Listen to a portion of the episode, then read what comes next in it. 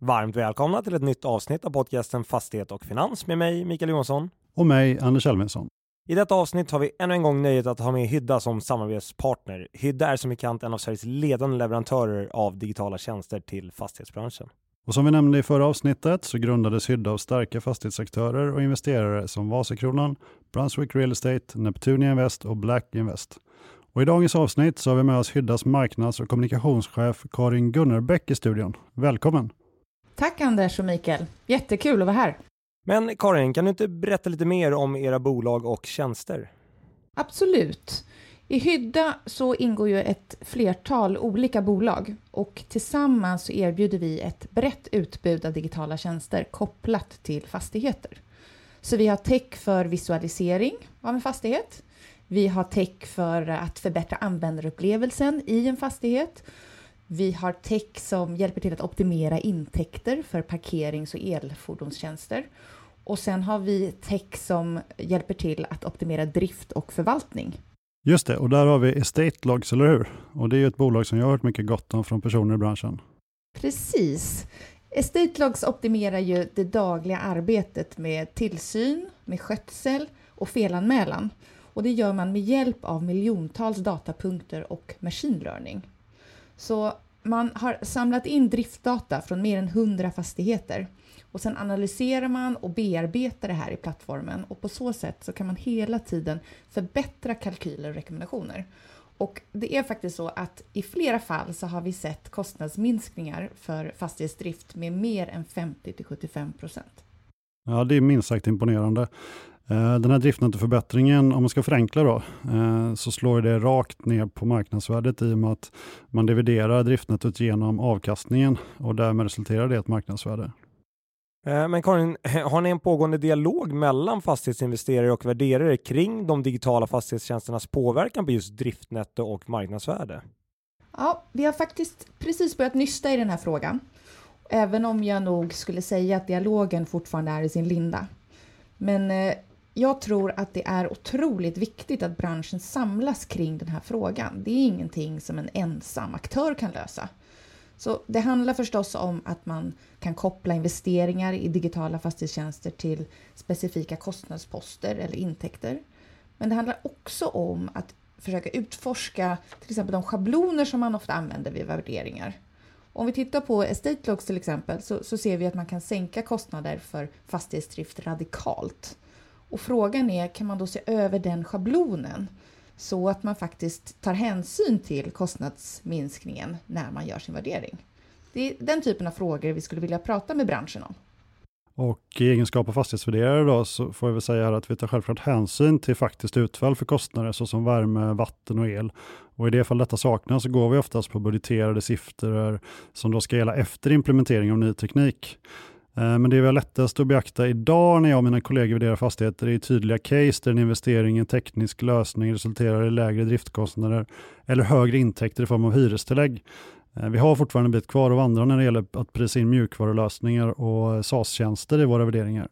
Det är precis sådana här frågor som vi behöver bara djupare i. Och gärna tillsammans med dig och dina branschkollegor, Anders. Tack Karin. Vi ses ju igen nästa vecka och ja, som vi sa i, i förra avsnittet, Hyddas resa har ju bara börjat och vi kommer följa den med spänning. Bolaget avser att lansera flera tjänster och samarbete med fastighetsaktörer och på sikt börsnoteras. För mer information om Hydda och deras tjänster besök dem på hyddagroup.com.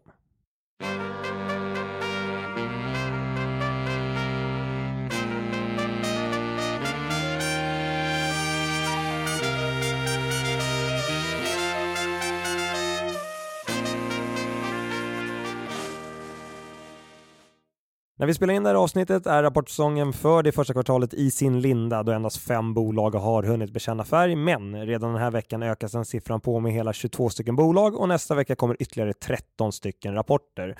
Börsen har hittills reagerat mixat på rapporterna där vi sett Atrium stiga 7,6% på rapportdagen.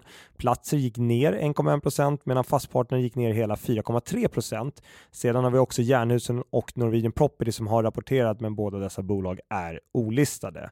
Vi ska grotta lite i rapporterna i dagens avsnitt, men generellt kan man säga att det fortsätter vara operationellt stabila rapporter med topplinjer som boostas rejält av KPI-justeringarna, men där också förvaltningsresultatet nu på allvar börjar ta stryk av de räntehöjningarna vi har sett. Intressant nog, men kanske inte helt oväntat, så har värderingarna legat mer eller mindre oförändrade då stora delar internvärderas i fastighetsbolagens portföljer under Q1 23.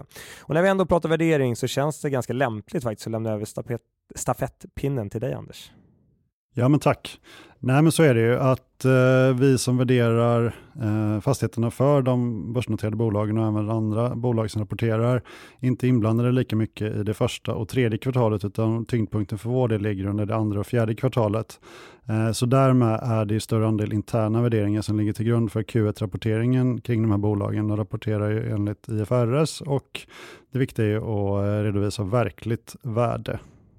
Men fortsatt så är det väldigt stort intresse för fastighetsvärdering och du Anders har väl varit runt lite här i olika forum och pratat just värdering. Ja, men detta avsnittet kommer ju ut på tisdagen och eh, i helgen som eh, gick eh, här alltså hade Affärsvärlden en eh, lång eh, artikel om eh, fastighetsvärdering där jag och två konkurrerande värderingschefen fick uttala oss och man lite pedagogiskt gick igenom hur värdering går till och hur bolagen agerar. Så det var ju väldigt roligt att eh, det kom högst upp på hemsidan och, finns med i papperstidningen. Och jag var även hos eh, din konkurrent Mikael DNB och pratade fastighetsvärdering för 40-50 personer, eh, förvaltare och andra analytiker i branschen och fick väldigt mycket intressanta frågor. Så det är lite som att man är en kontracyklisk eh, rockstjärna här nu.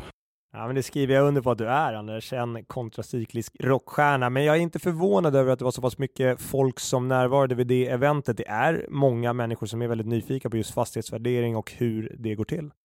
Mikael, förra avsnittet handlade om aktieanalys, eh, där du fick stå i rampljuset. Ett mycket uppskattat sådant och vi har nu drygt 2000 lyssnare per avsnitt i snitt, vilket vi tycker är jättekul. Men återigen till aktieanalysavsnittet. Vi hade en lyssnarfråga som dessvärre inte kom med i inspelningen. Och eh, i och med att du är aktieanalytiker så var frågan då, hur ser din bästa och sämsta aktieaffär ut? Det sätter väl lite någon slags betyg på dig som analytiker tänker jag. jag får ju inte göra affärer i fastighetssektorn så jag kanske klarar mig lite av, av den anledningen. Men jag skulle säga så här att min sämsta affär det här tror jag många känner igen sig i. Det är absolut min första riktiga affär på egen hand. Det var ett bolag som hette Mineral Invest International. Jag köpte den Öres-aktien och den gick upp ungefär 200% på väldigt, väldigt kort tid och jag trodde att jag var kung på aktieinvesteringar. Det bolaget slutade inte helt oväntat i konkurs och därmed förlorade jag alla mina pengar. Skulle man nämna den bästa affären, mer eller mindre allt som köps under pandemin blev väldigt bra. Sen är det ju lite speciell situation som analytiker vi får inte köpa och sälja hur som helst, men ska jag lyfta fram någonting så fyller jag på ganska mycket med bankerna just under pandemin och det har än så länge visat sig vara en ganska bra investering. Hur ser det ut för dig Anders? Jo, men det finns ju eh, för små affärer och så finns det dåliga affärer. Och eh, just nu har jag haft lite tur faktiskt, för förra veckan kom det en omvänd vinstvarning i mitt största innehav och det är då en Genic som jag har gråtit lite över i podden tidigare.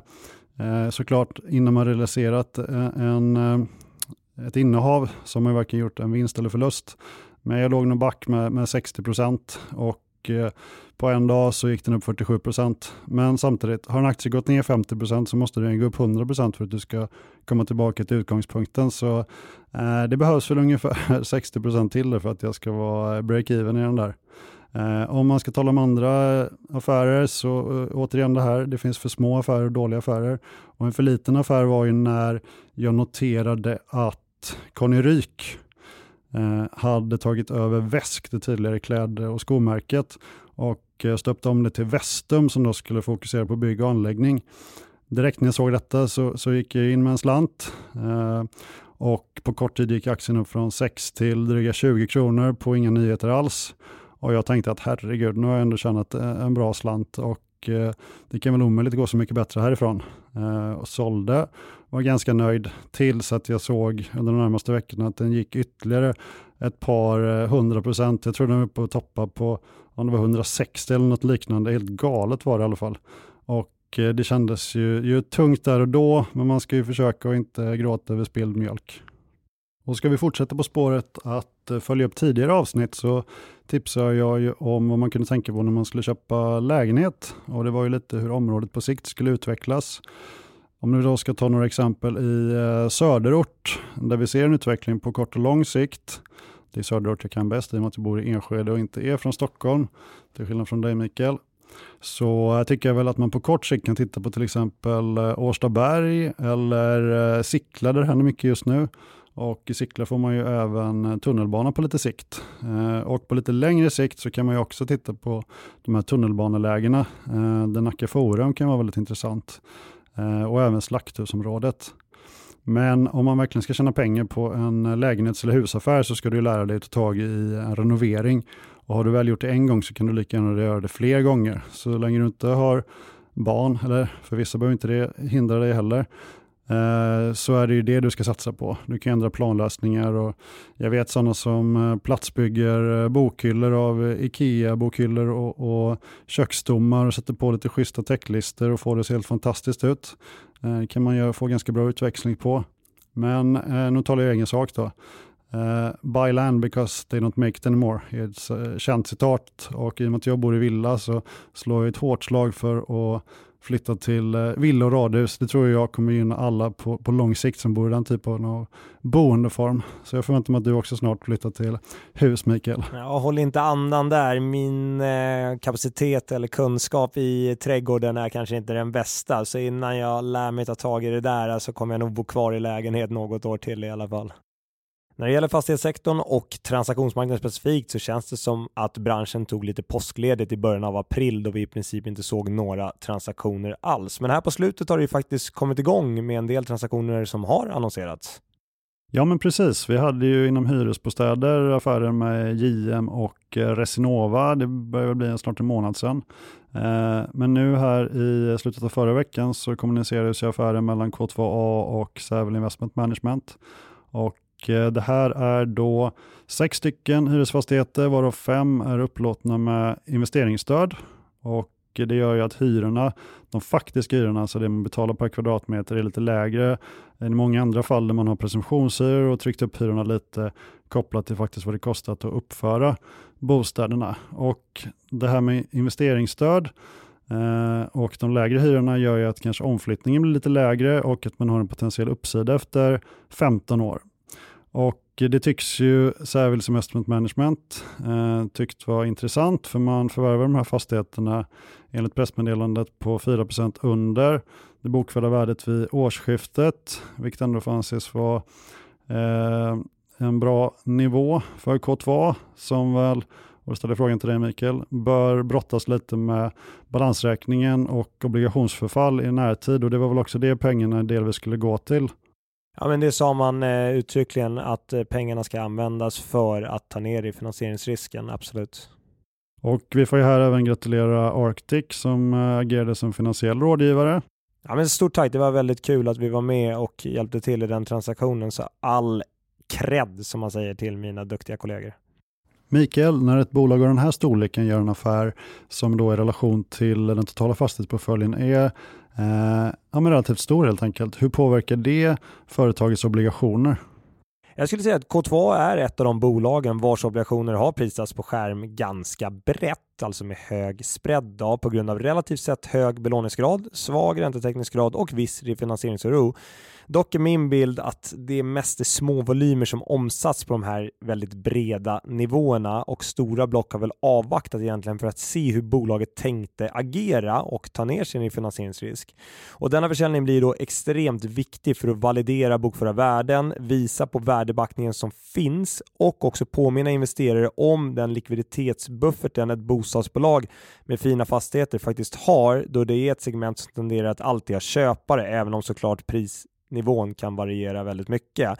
Så jämfört med de här skärmpriserna, alltså det som olika banker ställer för priser i bolagets finansiella instrument, i det här fallet då en obligation, så såg vi väl K2s obligationer prissättas ett par cash points som man säger högre, alltså i nominella eh, termer av värdet på lånet, vilket i det här eh, fallet av på en ettårig obligation betyder ungefär 200 punkter lägre spread i K2s fall skulle jag säga. Då får du direkt förklara lite mer vad cash points betyder. Ja, det kanske var ett dumt ord att använda. Man brukar prata i termer av, eller i termer av två sätt då, när man pratar eh, obligationsprissättning. Antingen pratar man i cashpris eller så pratar man i spread. Och när man säger cashpris då är det så att när man ger ut en obligation så brukar det normalt vara så att det lånet då ges ut på 100% av nominella värdet. Och så sätter man en spread då som bolaget betalar på kupongen.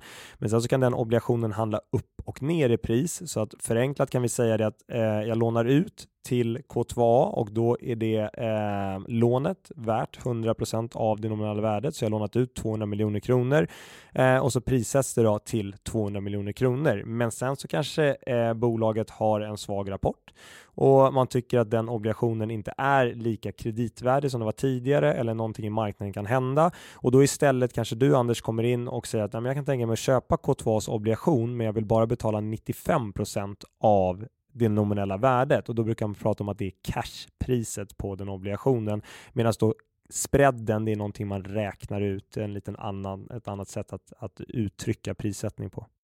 Men du sa cash points vill jag minnas. Ja, men cash, pris, cash points.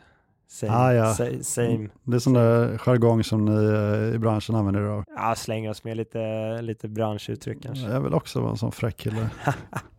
inte så svårt.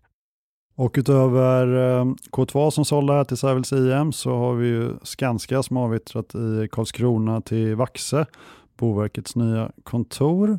Sen har vi även Nyfosa som i två affärer sålt eh, lager och lättindustri till SLP men även en portfölj i eh, Österåker till en lokal aktör. Och vi har även hört en hel del om eh, nya pengar som är på väg in i fastighetsmarknaden. Vi har Blackstone som reste ohyggligt med kapital in i en av de största eh, fastighetsfonderna någonsin egentligen. Jag tror 300 miljarder finns det i den fonden som de kan gå ut och köpa kåkar för. Och eh, det finns också information om att det svenska institutionella kapitalet eh, gör sig redo för att gå in här allt tyngre, eh, vilket är positivt såklart.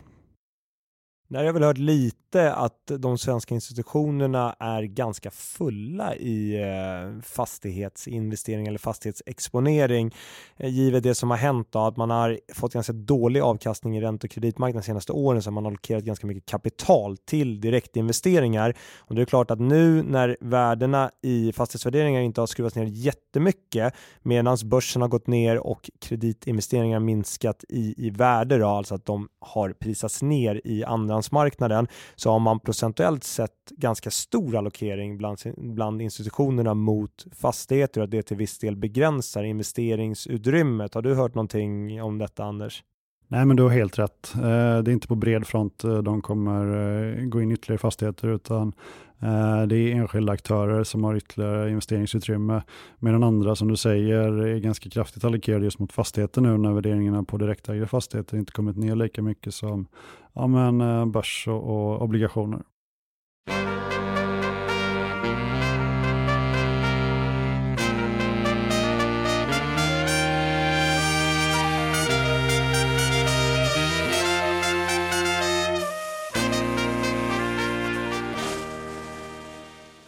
Fastighet och Finans är även denna vecka inspelat i samarbete med Fastighetsvärlden. I snart 40 år har Fastighetsvärlden genom konferenser, magasin, nyhetsbrev och hemsida levererat marknadsledande nyhetsbevakning av Sveriges bygg och fastighetsbransch. Vi nämnde i förra avsnittet att Fastighetsvärdens årliga seminariedag i Göteborg går av stapeln den 27 april, vilket alltså är nu på torsdag. Ta chansen att lyssna till klokheter från de avgående vdarna Peggy Persson och Mikael Granat samt flera andra Göteborgsprofiler såsom Hans Wallenstam, Karin Kindbom och Ola Serneke. Och på tal om Ola så var han stolt som en förälder till ett nyfött barn när första inflytten i Karlatornet skedde i slutet av förra veckan. En milstolpe av rang måste man säga. Grattis Ola! Verkligen. Och på tal om Göteborg så läste jag Fredrik Engströms spännande artikel på Fastighetsvärdens hemsida om det nya hotellet med namnet Grand Curios Hotel som invigs i anslutning till Liseberg. Antalet bäddar är totalt 2200, nästan mest i Norden och det är faktiskt ett annat Göteborgshotell som innehar första platsen där. Gothia Towers som ligger i närheten har med sina tre torn närmare 2700 bäddar. Grand Curios Hotel är främst inriktat mot familjer och har en fullstor karusell i entrén. Det måste vattnas i munnen på en småbarnsfar. Minst sagt, och om ett år öppnar ett äventyrsbad på 13 600 kvadratmeter i anslutning till hotellet. Och då kommer även World of Volvo som byggs söder om hotellet öppnas för besökare. Tillsammans med tidigare attraktioner såsom Universium och Världskulturmuseet tycker jag faktiskt att Göteborg på flera sätt slår Stockholm som Sveriges nöjesmecka. Vi kan varmt rekommendera er att ta del av de senaste nyheterna från fastighetsbranschen genom fastighetsvärldens olika kanaler.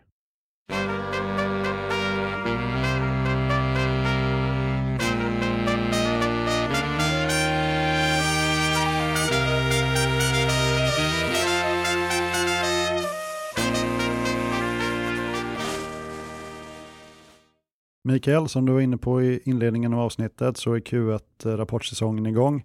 Den första rapporten vi hade att ta del av var Atrium Ljungberg och eh, var det ett lättnadsrally vi såg här i eh, aktien? Ja, men det var delvis eh, drivet av inflationssiffrorna som kom där i, i samband med att rapporten skulle släppas. Men jag tror även att eh, 16 i tillväxt i förvaltningsresultatet togs emot väl samtidigt som vi ska komma ihåg att Atrium fortsatt och idag handlas till en substansvärderabatt på cirka 30% och som i Atriums fall indikerar ungefär 18% ner i fastighetsvärde samtidigt som man då bara skrev ned 0,7% i kvartalet. Och operationellt är det så att Atrium fortsätter ticka på väldigt stabilt. Man har en lång räntebindning som gör att räntekostnaden ökar långsamt jämfört med många andra bolag och själv tycker jag att bolagets projektportfölj ser hyperintressant ut. Eh, man finns i många av de stadsdelarna där det spås en stark utveckling i kontorsmarknaden framåt. Jag kan faktiskt tillägga där att jag testcyklade med nya mountainbike i slakthusområdet här för några veckor sedan och eh, det är ju fantastiskt spännande vad som händer där. Och nu har ju Adam Albins nya restaurang eh, Solen öppnat tillsammans med någon form av häftig lyssningsbar där man ska då lyssna på eh, skivor och dricka drinkar antar jag. Hosai tror jag det heter, eller Hosoi. Eh, och sen har vi Stockholm Roast och lite annat spännande i slakthusområdet så det är redan nu värt en resa dit. Ja, absolut, kan instämma i det. Vi har varit där på lite eh, studiebesök faktiskt och tittat på området. Jag tror att slakthusområdet går en väldigt spännande framtid till mötes. Och sen hade vi fastpartner och här förstod jag det som att räntekostnaderna drog ner något. Och det har väl mycket att göra med att man legat med ganska kort eh, räntebindning. Detta och andra spaningar från rapporten som du tar fasta på. Nej, men precis. Det är ingen hemlighet att bolaget har jobbat med en relativt kort räntebindning och det har inneburit att räntekostnaderna har ökat med så mycket som 154 procent det senaste året. Som vi jämför Q1 2023 med Q1 2022 så är det upp 154 procent. Och det gör i sin tur att räntetäckningsgraden sätts under press, vilket vi på Arctic i alla fall tror kommer få Moody's att nedgradera bolaget om inte en nyemission sker. Men här ska det bli kul att följa hur man väljer att agera från fastpartners sida. Eh, Eh, I kreditmarknaden så prisas bolaget mer eller mindre redan som ett så kallat high yield-bolag. Så många investerare tror alltså på en nedgradering och Sven-Olof sa själv i rapporten att man utökat sina lånevolymer i bank för att kunna refinansiera sina låneförfall i obligationsmarknaden 2023 och 2024. Så givet skillnaden i prissättning mellan bank och obligation idag så blir inte jag förvånad om Sven-Olof rör sig mer och mer mot banksystemet eller ska vi säga tillbaka in mot banksystemet. Uh, och då kanske inte ratingen är lika viktig för honom och för bolaget som man har pratat om tidigare. I övrigt så tar jag med mig att man operationellt fortsatt gör det väldigt bra. Man fick igenom sina KPI-justeringar eh, samtidigt som man då reviderar ned målet gällande att nå ett förvaltningsresultat om SEK 1,5 miljarder per 2025 där man nu sänkt till 1,1 miljarder en direkt konsekvens av förändrade finansieringsförutsättningar. Så sammanfattningsvis operationellt så var Fastpartner bra Finansiellt eh, så blir det fokus på att genomsnittlig räntekostnad är så pass hög som 4,4 procent idag eh, och det sätter press på räntetäckningsgrad och på intjäning. Men i grund och botten så upplever jag att bolaget står stabilt även om risken då för en nedgradering är överhängande. Ska vi göra den då smidiga förflyttningen geografiskt egentligen från Stockholm till Göteborg och platser? Ja men precis, jag hörde en fondförvaltare uttala sig om att eh, det här då är ett stabilt och fint bolag Eh, och det kan jag väl hålla med om såklart. Men hans motivering var att det delvis har att göra med att hyrorna är KPI-justerade. Och visst, fine, eh, det kan man ju resonera på det viset. Eh, men vi har ju ändå en lågkonjunktur som står och knackar på dörren och jag tror väl även PG själv i en podd där sa att Göteborg per definition befinner sig i lågkonjunktur. Eh, konkurserna tilltal och, tilltar och kontorshyresgästerna, eh, vad vi ser på hyresmarknaden, minskar ju sin förhyrda yta samtidigt som vakanserna sticker i Göteborg. Så det riskerar att sätta press på marknadshyrorna i, i min värld då, i alla fall lite längre fram. Så jag tycker fortfarande att den operativa risken blundas för eh, hos vissa personer. Eh, hur ser du på saken Mikael? Jag kan till viss del hålla med dig där för att det färdigställdes enormt med kontorsyta i Göteborg under 2022 och det var även så att platser hade med i sin rapport vissa kommentarer från en del av analyshusen som pekade på ganska stora yieldförändringar åt det negativa hållet för fastighetsbolagen och också lite, även om man då i rapporten hade att eh, marknadshyrorna hade gått upp så var det vissa tendenser eh, tyckte jag mig skönja i den texten att det inte bara var uppsida framgent då. Men om vi ska flytta oss lite till eh, själva bolaget så tror jag de flesta satte kaffet i halsen när platser basunerade ut 26,5% tillväxt i jämförbart bestånd. Men det är så att tar man en extra titt på det här så noterar man att höjningen utöver index främst beror beror på den nybyggda fastigheten Kineum eh, som jag säkert uttalar fel. Eh, en fastighet man förvärvade Nej, jag tror fullt. du uttalar helt rätt faktiskt. Är det Kineum som, som man säger? Ja, jag vill väl minnas att det är så. Och det är väl ESS Group som främst har ett stort häftigt hotell i, i den kåken. Du borde ju kunna uttala det eftersom du är från Göteborg. Ja.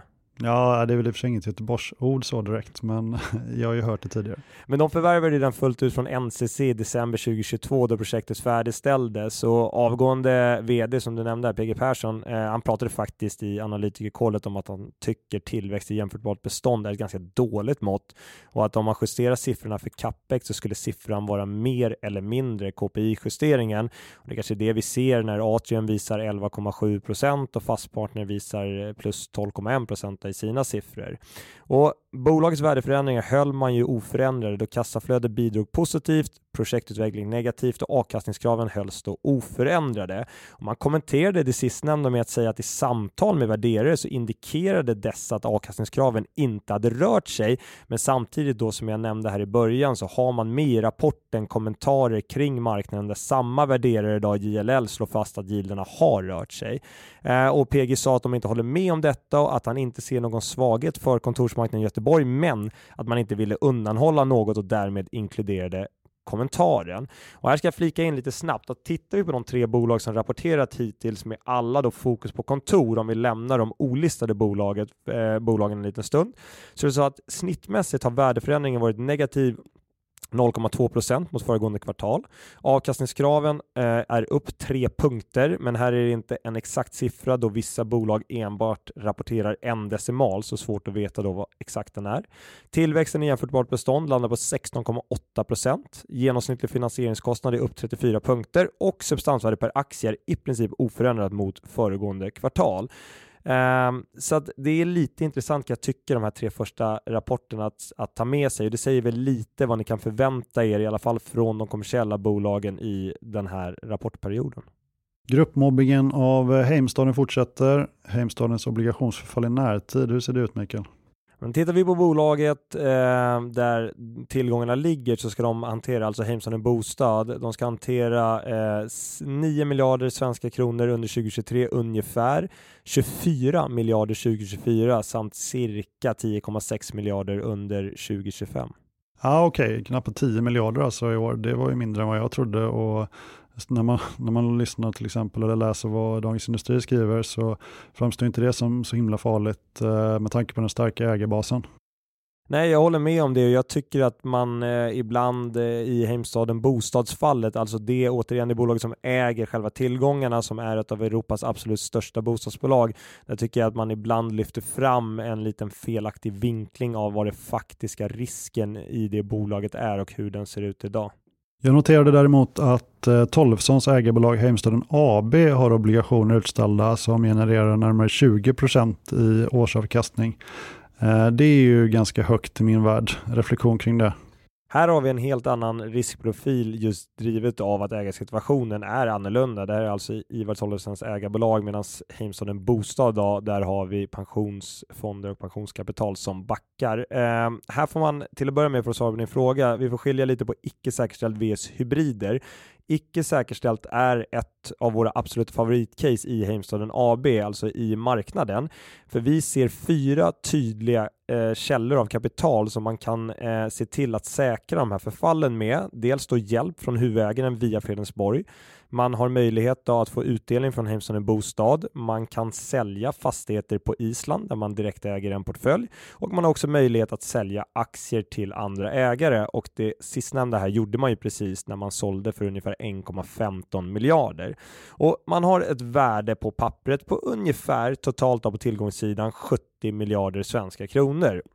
Och om vi ska applicera prissättningen på börsen på bolag med bostadsfastigheter, ja, men då ska vi såklart eh, ta ner det här värdet på 70 miljarder en ganska bra bit därför att många av bolagen på börsen med bostadsexponering handlas med ganska stora substansrabatter idag. Men även när vi gör det så ser faktiskt eh, värdebackningen väldigt bra ut för just de seniora icke säkerställda obligationsägarna och det här är i mitt huvud i alla fall inte ett kassaflödescase utan mer ett värdecase. Däremot när man tittar på hybriderna som är utställda, då får man titta på vad rationaliteten är för bolaget att faktiskt kola de här som det heter. En hybrid är ju ett instrument där bolagen kan välja att eh, köpa tillbaka obligationerna vid ett givet datum eller låta instrumentet löpa vidare. Och den här hybriden då, där har man ett beslut att ta hösten 2024. Den är på totalt 4,5 miljarder. Om man väljer att inte nyttja kolmöjligheten så är det idag en steppa på 250 punkter i kupongen. Så om du som obligationsägare sitter i det instrumentet och bolaget inte kolar den så kan du i alla fall trösta dig med som det ser ut idag att du får en, en steppa på kupongen. Så det kan ju finnas, eller det kan vara så att bolaget ser ett värde i att låta den här löpa vidare och då ska den prissättas på ett visst sätt då, med en evig löptid. Men, men samtidigt så är det ju så att bolaget har ju också en relation med sina investerare att ta hänsyn till och det ska man ta i beaktning när man ska tänka på möjligheten för Heimston AB att, eller om man, när man ska tänka på beslutet för Heimston AB att kola eller inte kola. Så jag tycker att Heimstaden AB fortsatt är ett, ett extremt intressant kreditcase för eh, kreditinvesterarna. Eh, Nej, om man då inte kolar som du säger, alltså eh, ja, man betalar tillbaka det man har förvärvat obligationen för. Eh, då är man lite bränd på marknaden som jag förstår det. Precis, om vi ska slänga oss med lite lingo här så är det så att en hybrid den kan antingen prissättas till call eller prissättas to worst. Och det är just det att om man inte väljer då att köpa tillbaks den då ska man prissätta det här instrumentet till eh, worst vilket är att den löper på då. Och det är klart att då får den väldigt mycket sämre avkastning eftersom investerarna från början har räknat med att pengarna ska komma tillbaka efter cirka eh, fem år. Och eftersom investerarna har utgått från detta när instrumentet gavs ut så är det så att om bolaget väljer att inte göra på det sättet så finns det ju en risk att det skadar eh, relationen med investerarna och det är ju generellt sett samma investerare som har köpt bolagets icke säkerställda obligationer som har köpt hybridobligationerna så du har en bra poäng eh, där Anders som du lyfter. I vårt första avsnitt av podcasten som heter Högst blodtryck i fastighetsbranschen så eh, talade vi lite om eh, en man eh, som du Mikael pekade ut som den som hade just högst blodtryck i branschen och det var Oskar Engelbert. Och i slutet av förra veckan så kunde vi läsa rubriken som löd Oskar Engelbert jagas av Kronofogden. Och Eh, vidare i artikeln gick att läsa då att Kronofogden förbereder nu en så kallad utmätning i Oskar Engelberts våning på Djurgården. Kronofogden har enligt Expressen redan gjort ett tillslag och tagit 65 000 spänn från ett av hans bankkonton och eh, det fanns även uppgifter om att det tidigare funnits en skatteskuld och att man drivit in eh, skulder som uppgick till 20 miljoner 2020. Han lyckades den gången undvika utmätning genom att betala in hela skulden i sista stund då, enligt Expressen. Aktiekursen nu för Oscar Properties är lägre än den botten vi såg innan rallyt i början av året. Hur mår egentligen Oscar Properties, Mikael? Oscar Properties bekänner ju faktiskt färg denna vecka, närmare bestämt på fredag, så då får vi lite mer information om läget i bolaget. Men eh, självklart befinner man sig i en otroligt tuff situation. Man ska snart betala tillbaka delar av en säkerställd obligation på 710 miljoner med förfallodatum den 28 april, där man nu försöker förlänga lånets förfallodatum till 31 oktober samtidigt som då en delamortering på 400 miljoner ska ske. Eh, vi kan väl påpeka är också att man kämpar med en snittränta som per Q4 var 6,4 procent och en räntetäckningsgrad som enligt bolagets intjäningsförmåga är 1,0. Och intjäningsförmågor som jag varit inne på tidigare i podcasten tenderar att underskatta räntekostnaderna framför allt i den typen av, av situation vi befinner oss i nu i årsredovisningen skrev revisorn ingenting om going concern, vilket de kan göra när de ifrågasätter bolagets möjlighet att fortsätta bedriva verksamhet. Däremot så lyfter man fram i revisionsberättelsen att det såklart är av eh, absolut nödvändighet att bolaget lyckas refinansiera sina kortfristiga skulder under året. Ja, Anders, när vi sitter här måndag eftermiddag så har vi 22 rapporter framför oss denna vecka, alltså tisdag till fredag, där vi redan nämnt Oscar Properties som kommer just på fredag. Och andra bolag som kan lyftas är väl Entra som kommer på tisdagen den 25. Vi har Castellum den 26 och så har vi SBB den 28. Så jag ser fram emot två stycken galet intensiva veckor som kommer ge oss många intressanta datapunkter för vart detta är på väg. Som vi var inne på så har de första rapporterna pekat på operationell stabilitet i kontorsspacet. Låt oss ta reda på om det är så i andra segment också. Och när vi ändå pratar om det här så tycker jag att vår lilla disclaimer vi brukar med passar in fint, nämligen, nämligen att inget av det vi sagt ska tolkas som en köp eller säljrekommendation i något finansiellt instrument. Och det skriver jag självklart också under på. Och jag vill passa på att göra en liten shoutout för Spring för livet som arrangeras den 4 maj i år. Sista dagen för att anmäla sig är eh, idag då, om du lyssnar dagen då avsnittet släpps den 25 april klockan 12. Så känner du lite spring i benet och ännu inte anmält dig så gör det och anmäl också dina kollegor till 5 eller 10 kilometer runt eh, Djurgårdsbrunnsviken. Och hittills har ju det här loppet sedan 2012 samlat in 5 miljoner så det är bara att köra hatten av på den. Sist men inte minst, tack till våra samarbetspartners Fastighetsvärden, Hydda Group, Cushman Wakefield och Arctic Securities. På återhörande. Tack och hej! Tack så mycket!